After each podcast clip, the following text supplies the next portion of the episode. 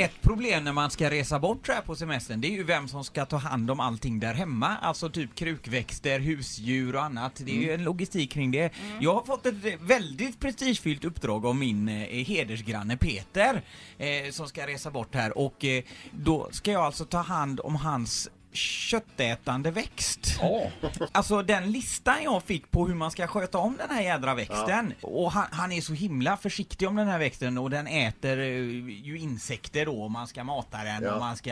Eh, och den fångar ju flugor själv och sådär men den behöver vatten vid massa tidpunkter på dagen och det ena med det andra och...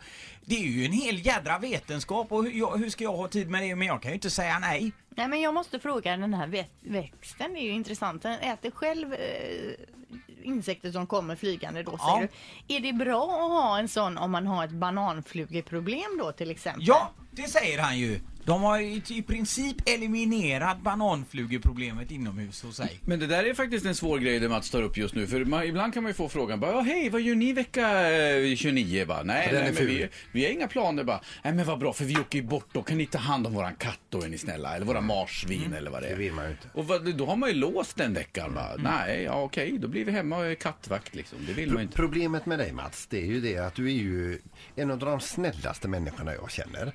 Men du måste lära dig att säga nej. Ja, men nu var du min hedersgranne. Mm. Och, och, se- och, och då sa jag, men självklart Peter tar jag hand om din köttätande växt. Och vad bra, då kanske du kan ta hand om våran hamster också. eh, Ja, för du passar ju ett djur. Du har, vi ser en film på någon råttliknande som var hemma hos dig. Kan du inte mata växten med hamstern? Ja, Nej, jag tror att det är en jättedålig idé faktiskt. eller sätt ihop dem så får du se vad som händer. Bara, Ja. den ena matar den andra. Det här är hedersuppdragen med smådjur. Det fick jag ut av min bror för ett antal år sedan. De hade så här små, eh, eh, vad heter det nu igen? Eh, Vad, vad heter det? Dansmöss. Ökenråttor, Ja men en sån där eh, b- b- som möss. hamster. Ja, hamster kanske det var. Ja.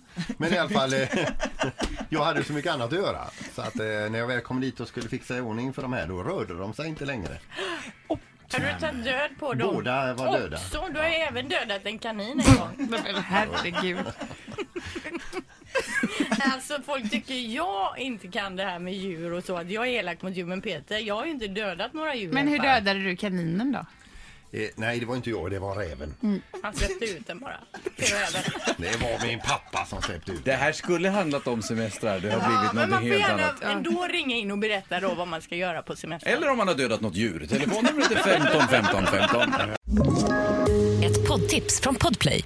I podden Något Kaiko garanterar östgötarna Brutti och jag, Davva, dig en stor dos skratt.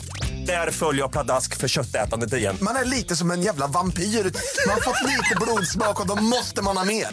Udda spaningar, fängslande anekdoter och en och annan arg rant. Jag måste ha mitt kaffe på morgonen för annars är jag ingen trevlig människa. Då är du ingen trevlig människa, punkt. Något Kaiko, hör du på Podplay. Därför arkadeinerna.